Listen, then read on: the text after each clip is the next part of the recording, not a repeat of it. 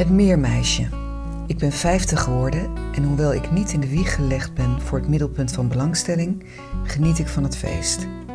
Mijn lieve zus heeft met al mijn dierbaren een boek samengesteld met hun favoriete recepten, speciaal voor mij. Mijn zus vertelt in het boek, zij is de oudste van ons twee, dat het eerste woord dat ik leerde spreken meer was.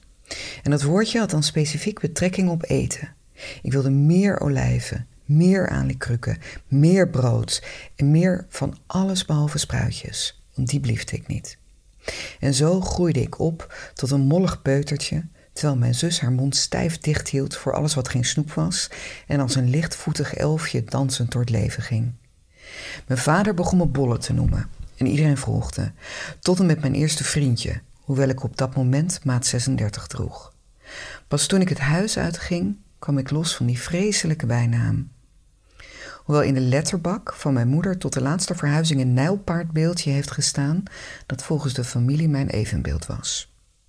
Mijn zus noemt me in haar verhaal, dat overigens leest als een sprookje, het meermeisje. Het is een liefdevolle bijnaam die ik vanaf nu met trots draag, hoewel de naam Bollem me de laatste jaren weer beter past dan maat 36.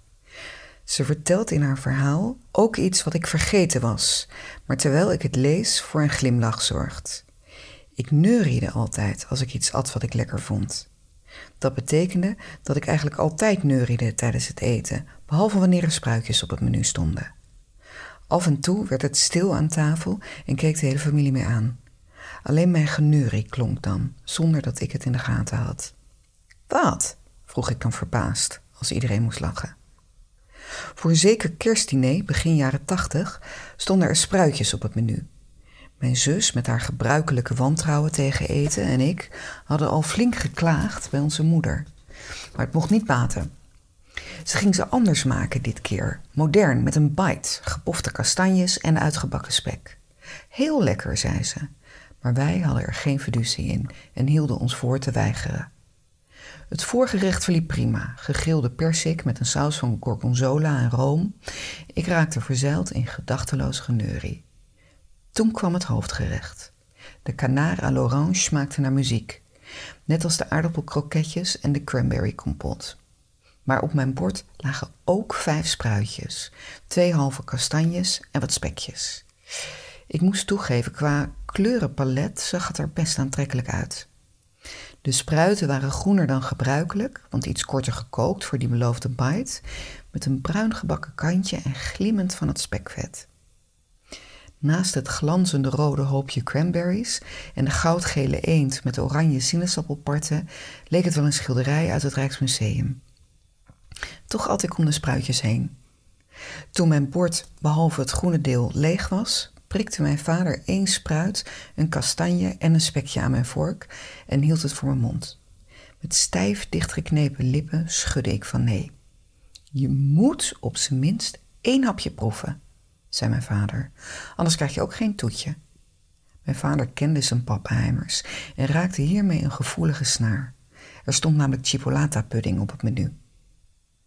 Met tegenzin opende ik mijn mond. Met lange tanden begon ik voorzichtig te kauwen. Hm, zout, zoet, knapperig, klein bittertje. Ondertussen had mijn vader het volgende vorkje al volgeprikt en uit macht der gewoonte opende ik mijn mond. Na een paar seconden was de familie stil. Daarna begonnen ze te lachen. Wat?